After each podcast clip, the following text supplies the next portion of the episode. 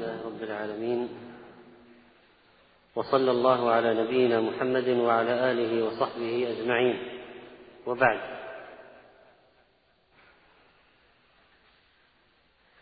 فمن قصص القرآن العظيم التي قصها الله علينا في كتابه العزيز قصة موسى مع السحرة. لما رأى فرعون لعنه الله معجزة موسى في العصا واليد. فألقى عصاه فإذا هي ثعبان مبين ونزع يده فإذا هي بيضاء للناظرين.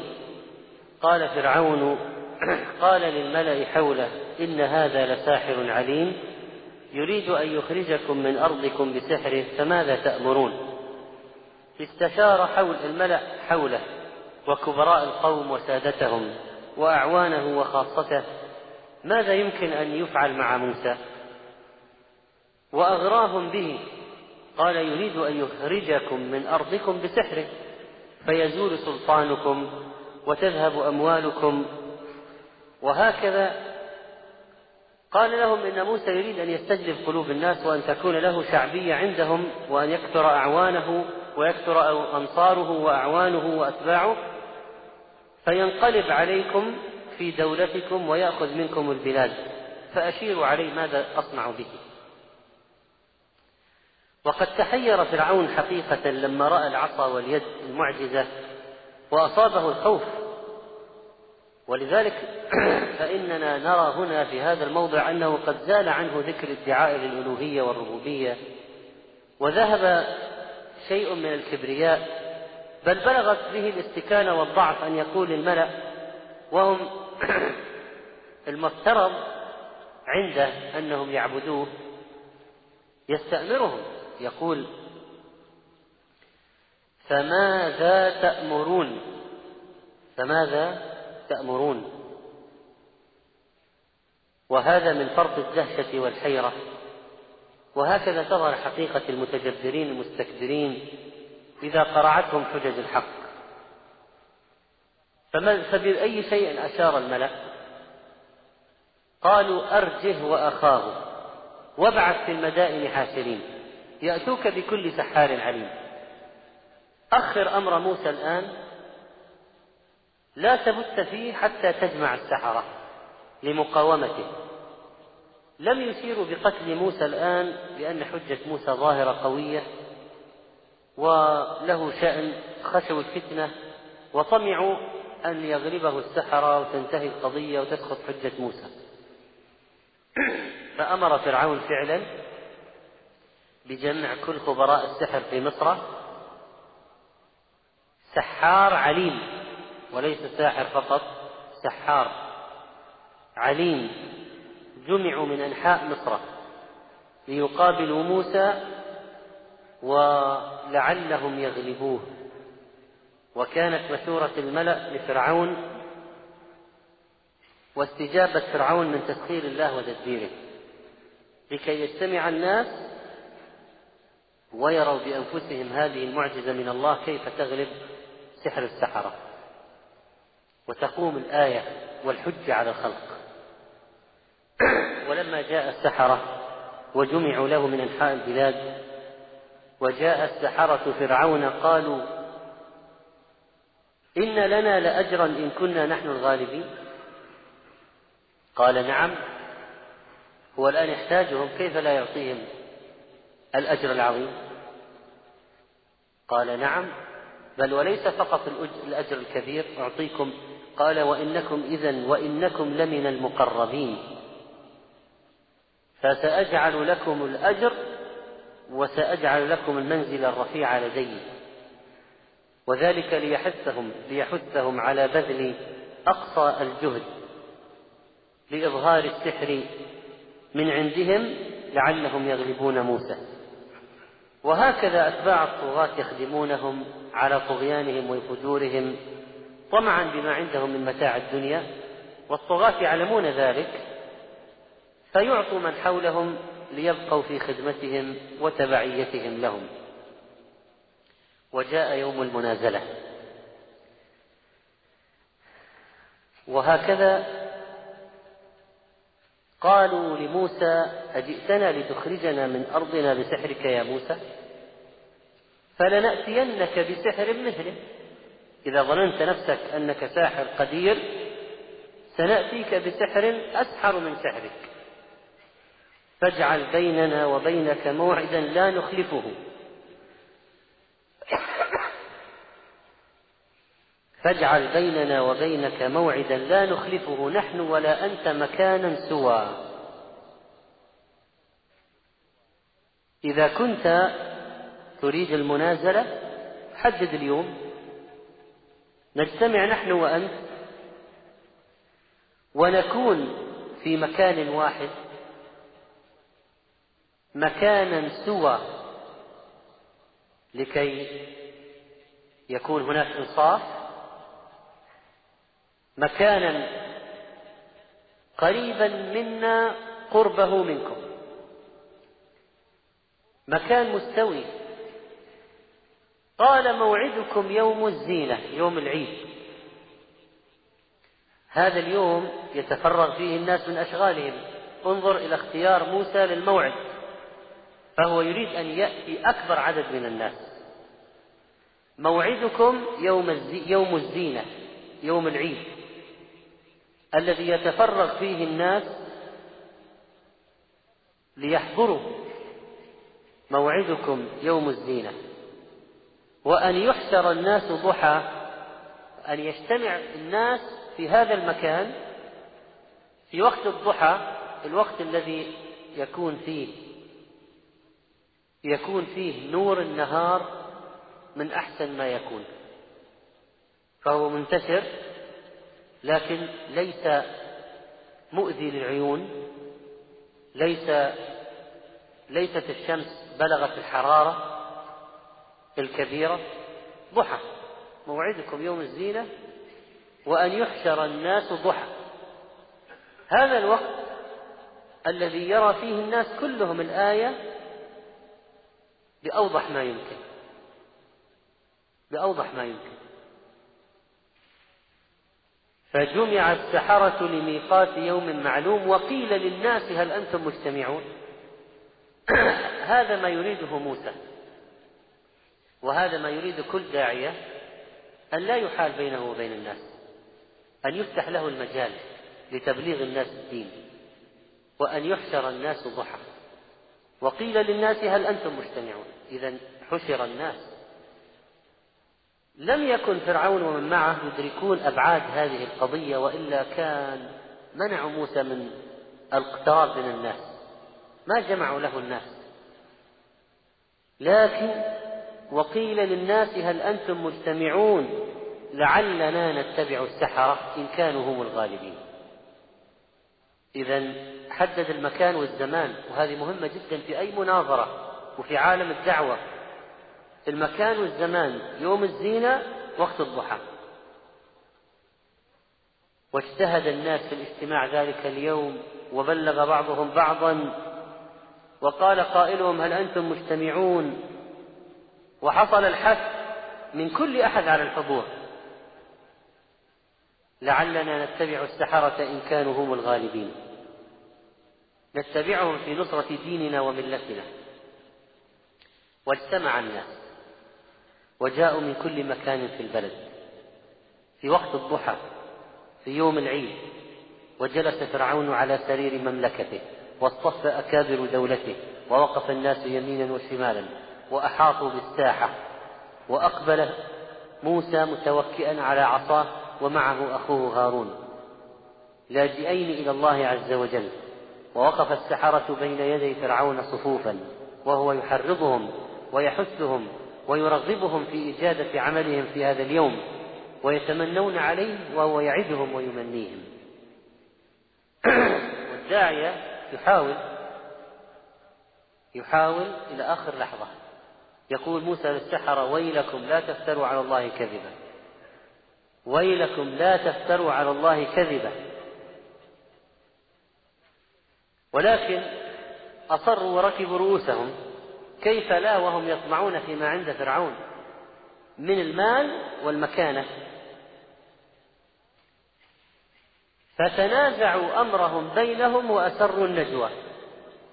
صار هناك بينهم نقاش بين السحرة. ربما يقول بعضهم هل هو نبي؟ ليس بنبي. هل هو ساحر؟ ليس بساحر. ولكنهم أسروا هذه القضية لأن النجوى تعني المسارة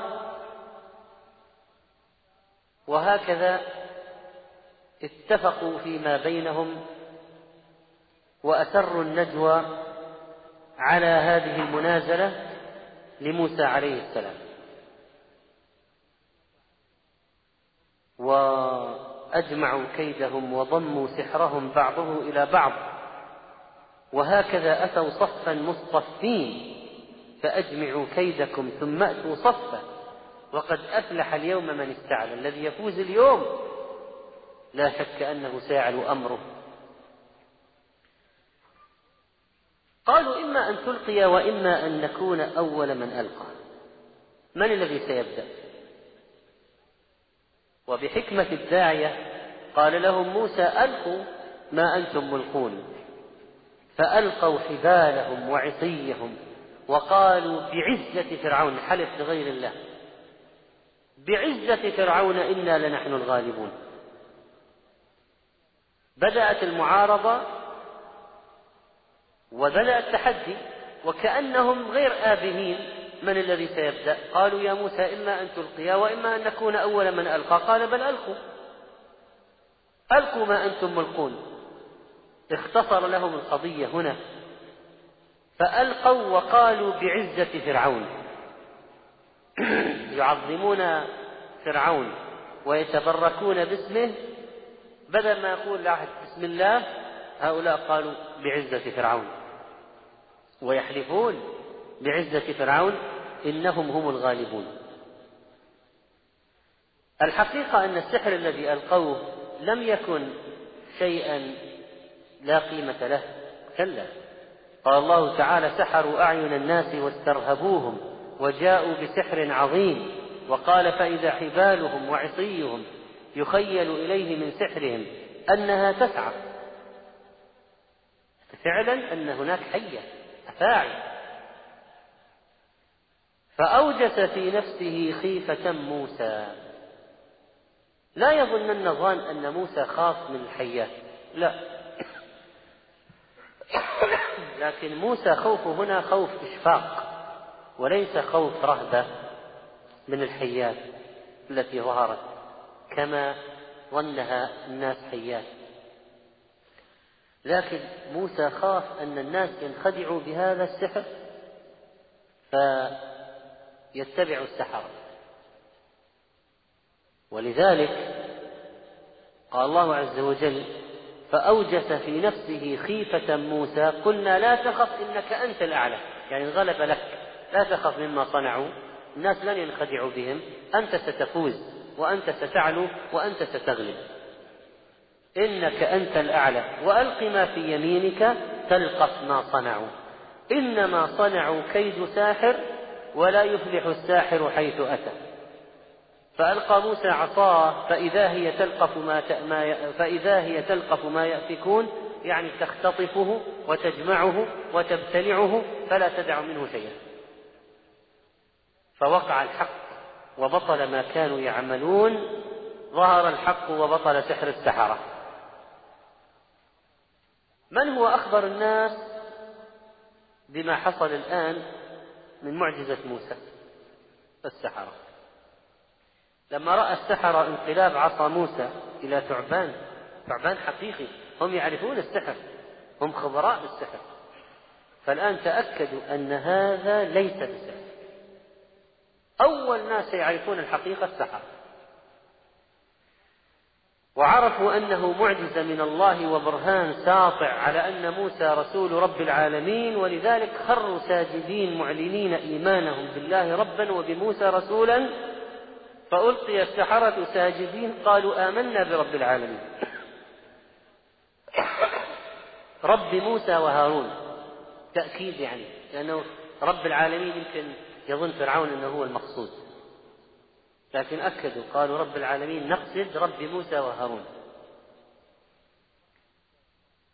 فكان إيمانهم أمرا عظيما جدا وبرهانا قاطعا للعذر وحجة دامغة على أن عيسى على أن موسى رسول من رب العالمين. الذين استنصر بهم فرعون هم صاروا الآن ضده. الذين أتى بهم ليعينوه انقلبوا عليه. وسجدوا لله رب العالمين فغلب فرعون غلبا لم يشاهد العالم مثله. ولا هو رأى مثل المشهد هذا من قبل من نفسه ولا تصاغر فرعون صار بهذا الحجم. مثل ما حصل في هذا اليوم.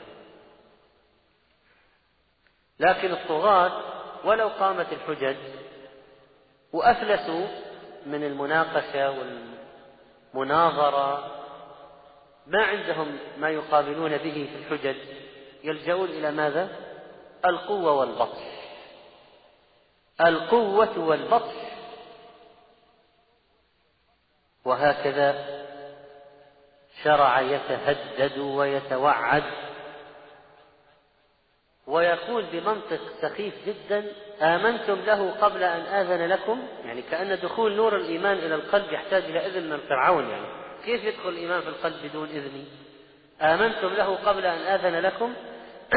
هو الإيمان يعني ينبني على استئذانات وعلى أخذ رأي فلان وعلان أو هو شيء يقذفه الله في قلب من يريد فجأة. الله عز وجل إذا قذف الإيمان لا يحول بينه وبين قلب شيء مهما حطيت من حواجز وحوائل ما يمكن.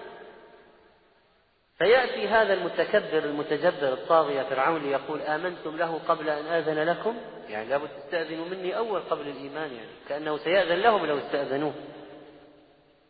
إنه لكبيركم الذي علمكم السحر. طبعا الآن أول ناس يعرفون كذب فرعون من هم؟ السحرة. لأنهم يعرفون أنه ما التقوا بموسى من قبل. هذا أول ما يروه الآن كيف يصير كبيرهم الذي علمهم السحر؟ ومتى علمهم؟ أصلا متى التقى بهم حتى يعلمهم؟ ولذلك ازداد السحرة إيمانا وعرفوا أن فرعون كذاب وأنه ليس بإله وأن موسى مرسل من عند الله وأن القضية هذه قضية إلهية.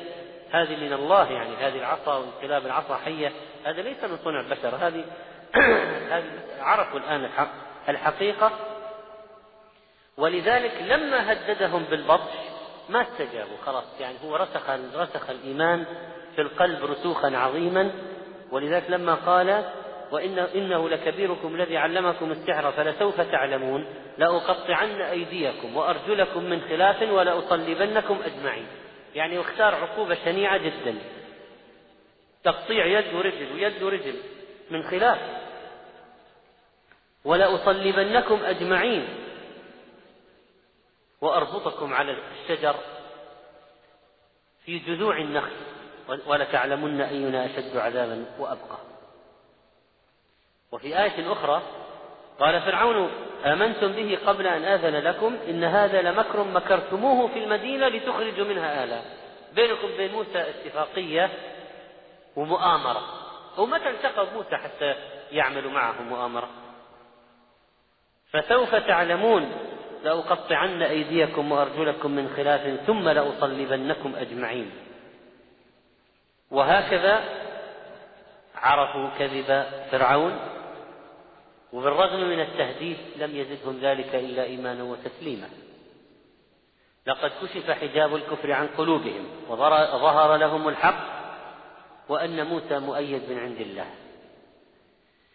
ولذلك كان استقبالهم لقضية التهديد بالقتل البشع هذا قالوا لا ضير. يعني كيف تقتلنا؟ ما هم ليست قضية مهمة. كونك تقتلنا أيضا لا ضير لا يهم. لماذا؟ إنا إلى ربنا منقلبون. يعني هو المرجع إلى الله الآن أو بعدين؟ الآن المرجع إلى الله. لكننا عندنا شيء متعلقين به إنا نطمع أن يغفر لنا ربنا خطايانا أن كنا أول المؤمنين. نحن الآن أول المؤمنين بموسى. هذا ما نتقرب به إلى الله أننا أول المؤمنين. ونرجو أن الله يغفر لنا بسبب إسراعنا للإيمان. إذا لا ضير ولا ضرر فيما تهددنا به ولا نبالي به.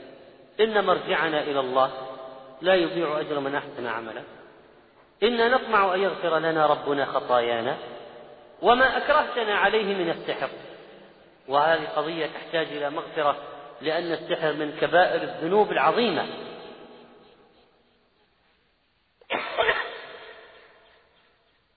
والذي يظهر أن فرعون نفذ التهديد وأيضا حتى يخيف الجمهور المتجمع ويظهر بطشه وكيده وجبروته فقيل إنه قتلهم وطلبهم على النيل. ولذلك قال ابن عباس رضي الله عنه أصبحوا سحرة وأمسوا شهداء. أصبحوا فجرة سحرة في الصباح وأمسوا في المساء شهداء بررة. ممكن الهداية تدخل إلى القلب فجأة؟ ممكن. كما حصل هنا. وممكن تدخل على مراحل. جبير بن مطعم تأثر من آية. أم خلقوا من غير شيء من خالقون؟ في معركة بدر بعد المعركة لما أخذ أسيرا. لكن ما أسلم إلا في فتح مكة بالتدريج وشهد مشهد خبيب بن عدي يعني مر عليه مشاهد تأثر تدريجيا حتى أسلم في النهاية. وبعض الناس مباشرة مباشرة يسلمون. السحرة بسرعة أسلموا. إذا الله عز وجل يهدي من يشاء وإذا هدى إذا هدى شخص لا يستطيع أحد أن يضله. ولذلك لما هددهم فرعون قالوا له وما تنقم منا إلا أن آمنا بآيات ربنا لما جاءتنا؟ ربنا أفرغ علينا صبرا. أفرغ علينا. أفرغ علينا صبرا. ليس فقط صبرنا أفرغ علينا صبرا. وتوفنا مسلمين. فهم يريدون الخاتمة الحسنة. ويريدون من الله أن يفيض عليهم الصبر. من الصبر صبرا واسعا. ويفرغه عليهم إفراغا. ويثبتهم على الإيمان. كما يفرغ الماء من القرب كذلك يفرغ عليهم صبرا. هذا ما يريدونه وأن يثبتهم حتى يموتوا مسلمين. وقالوا له أيضا لن نؤثرك على ما جاءنا من البينات والذي فطرنا. شوف لاحظ الحلف الآن وكان من أول بعزة فرعون. وإيش صار الآن الحلف تبع حلف والذي فطرنا. بالله. على أحد الوجوه في تفسير الآية. قالوا لن نفضلك ونفضل السلام منك على ما رأينا من حجج الله ولن نختارك على الهدى واليقين بل سنختار الهدى واليقين. فاقض ما أنت قاض. افعل ما شئت. إنما تقضي هذه الحياة الدنيا. يعني هو أنت حتعيش كم؟ هذه الحياة الدنيا فقط. ثم تزول يا فرعون. إنا آمنا بربنا ليغفر لنا خطايانا. وما أكرهتنا عليه من السحر والله خير وأبقى خير لنا منك يا فرعون. وأبقى ثوابه باقي سبحانه وتعالى. وهكذا كان الأمر. وثبت وثبتهم الله سبحانه وتعالى حتى ماتوا على الإيمان. نلاحظ أن معجزات الأنبياء لها علاقة بما أبدع به أقوامهم. معي مثلا لما كان قوم فرعون مبدعين في السحر فإن الآية جاءت طاغية على السحر. ولما كان قوم عيسى مبدعين في الطب جاءت آية عيسى أيضا تتفوق على طب كل طبيب. ولما كان كفار قريش آه، مشتهرين بالفصاحة والبلاغة فإن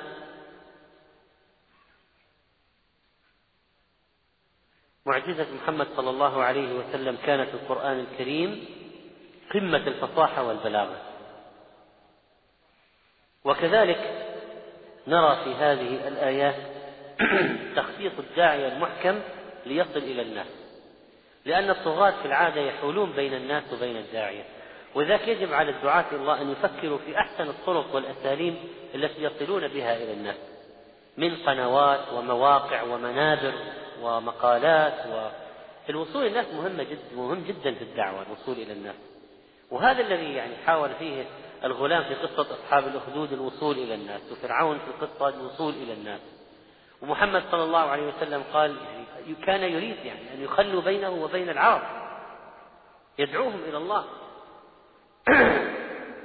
موسى قال أرسل معي بني إسرائيل إذا قضية أن يصل الداعية إلى الناس هذه استراتيجية مهمة جدا في الدعوة لأن أثر الداعية الحقيقي أين هو؟ هو الداعية لمن؟ جهده على مبذول مع من؟ فإذا ظل محصورا محبوسا مقيدا ما وصل خيره إلى الناس ولا علم الناس ولا استفاد الناس ولذلك فإن من الحكمة السعي في الوصول إلى الناس وأن يكون ذلك بالطرق المشروعة. لأنه ربما يحاول بعضهم الوصول إلى الناس لكن بطرق غير مشروعة طرق محرمة مثلا. فما فائدة الوصول إلى الناس عن طريق منبر محرم؟ مثلا ما هذا يفقد مصداقيته لكن يصل إلى الناس بطريق بطريق صحيح مباح شرعي. ثم نلاحظ أن الله سبحانه وتعالى يمكر بمن مكر. فكان فرعون يريد أن يحصر دور موسى يحاصر موسى أو لا يترك موسى يؤثر في الواقع. لكن كان مكر الله بفرعون عظيما. عندما جمع فرعون الناس لموسى وصارت القضية مشت بطريقة ما خطرت في بال فرعون أنه أن أنه سيحدث هكذا. ثم نلاحظ هنا أن استجابة الناس للحق متفاوتة فبعضهم قد يستجيب فورا وبعضهم قد يستجيب على مراحل ولكن إذا كان دخل الإيمان القلب خلاص. وكذلك الإيمان إذا خالطت بشاشته القلوب لا يمكن أن يخرج. ما دام خالطت بشاشته القلوب يثبت صاحبه. وكذلك فإن إظهار الإيمان حين يحسن الإظهار حين يكون الإظهار مهما من الحكمة. كما قد يكون كتم الإيمان أحيانا من الحكمة. وكان إظهار السحرة لإيمانهم فيه المصلحة الكبيرة ولو قتلوا. وكان كتم مثلا الرجل المؤمن من آل فرعون إلى حين مصلحة. حتى رأى أن مناصرة الرسول تقتضي أن يصرح. وقال رجل مؤمن من آل فرعون يكتم إيمانه أتقتلون رجلا؟ أن يقول ربي الله. ما وصلت المسألة إلى قتل موسى فهو الآن لابد أن يضحي ولو ضحى بنفسه من أجل نجاة هذا النبي. يحاول يحاول. وقيل إنه قد آمن بموسى عدد كبير عند حصول مشهد السحرة هذا. ولذلك فإن التضحية بعدد قليل مقابل أن يستدعي جمهور كبير حكمة. هو قضية الإعلان والكتمان تعود إلى المصلحة. إذا كانت المصلحة أكبر في الكتمان كتم وإذا كان المصلحة الأكبر في الإعلان أعلن. النبي عليه الصلاة والسلام وأصحابه بمكة كان بعض أصحاب أمر أصحابه مكتوما حتى حتى هاجر النبي عليه الصلاة والسلام. ومثلا فترة من الفترات كانت الدعوة بمكة سرية حتى ظهر عمر عمر وحمزة. يعني حتى أسلم حمزة وأسلم عمر صار في آه، جهر أكثر وإعلان أكثر. وكذلك فإن النبي عليه الصلاة والسلام كان يوصي بعض أصحابه أن يذهب من مكة. يقول لعمرو بن عبسة إذا سمعت أني قد ظهرت تأتي يذهب الآن. وكان بعض الصحابة يسرون بإيمانهم. تلافيا للقتل أو تلافيا للتعذيب الذي ليس من ورائه الآن فائدة في إظهار الدعوة. ولذلك فإن هذه القضية تعود إلى المصلحة الشرعية وليست المصلحة الشخصية. المصلحة الشرعية وليست المصلحة الشخصية. ونلاحظ أيضا في هذه القصة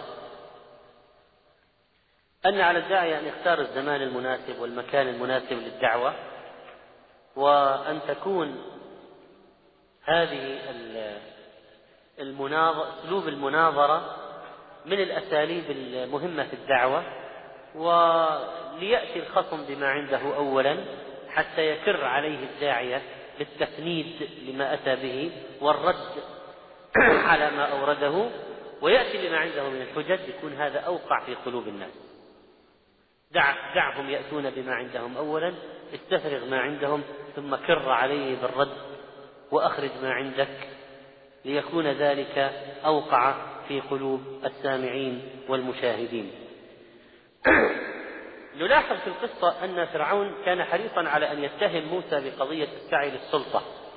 تريد السلطة تريد أن تتملك تريد أن تخرجنا من أرضنا تريد أن تنازعنا ملكنا تريد أن تستولي على كذا تريد أن الناس يتبعوك تريد. إذا هو حريص أن يرمي الداعية بشيء دنيوي حتى يفقده مصداقيته عند الناس. لكن موسى عليه السلام كان حريصا في الرد عليه. ونلاحظ أيضا أن إعطاء الفرص المتكافئة في المناظرات مهم. لأنه قد يحصل أن بعض المغرضين يدعون أهل السنة وأهل البدعة المناظرة ثم لا يعطوا أهل السنة الوقت الكافي للكلام ويعطوا أهل البدعة الوقت كله أو أكثره. ويقاطعون أهل السنة أثناء الكلام ويتركون أهل البدعة بلا مقاطعة. ففي النهاية لا تظهر الحقيقة كما ينبغي ولذلك الداعي ينبغي أن يكون حاذقا في قضية الموافقة على المناظرة وعدم الموافقة بحسب الشروط.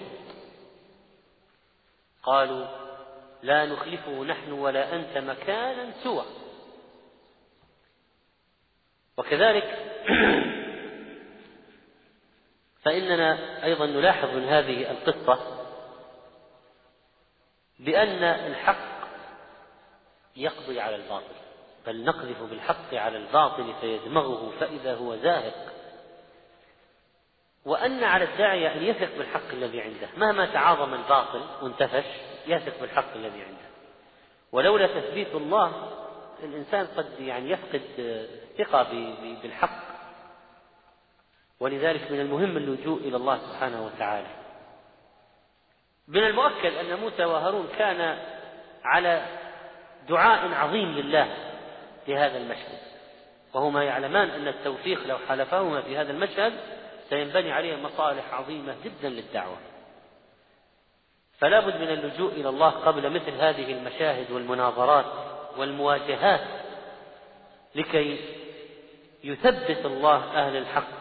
في المناظرة ولكي يكبت أهل الباطل ويخذلهم سبحانه وتعالى.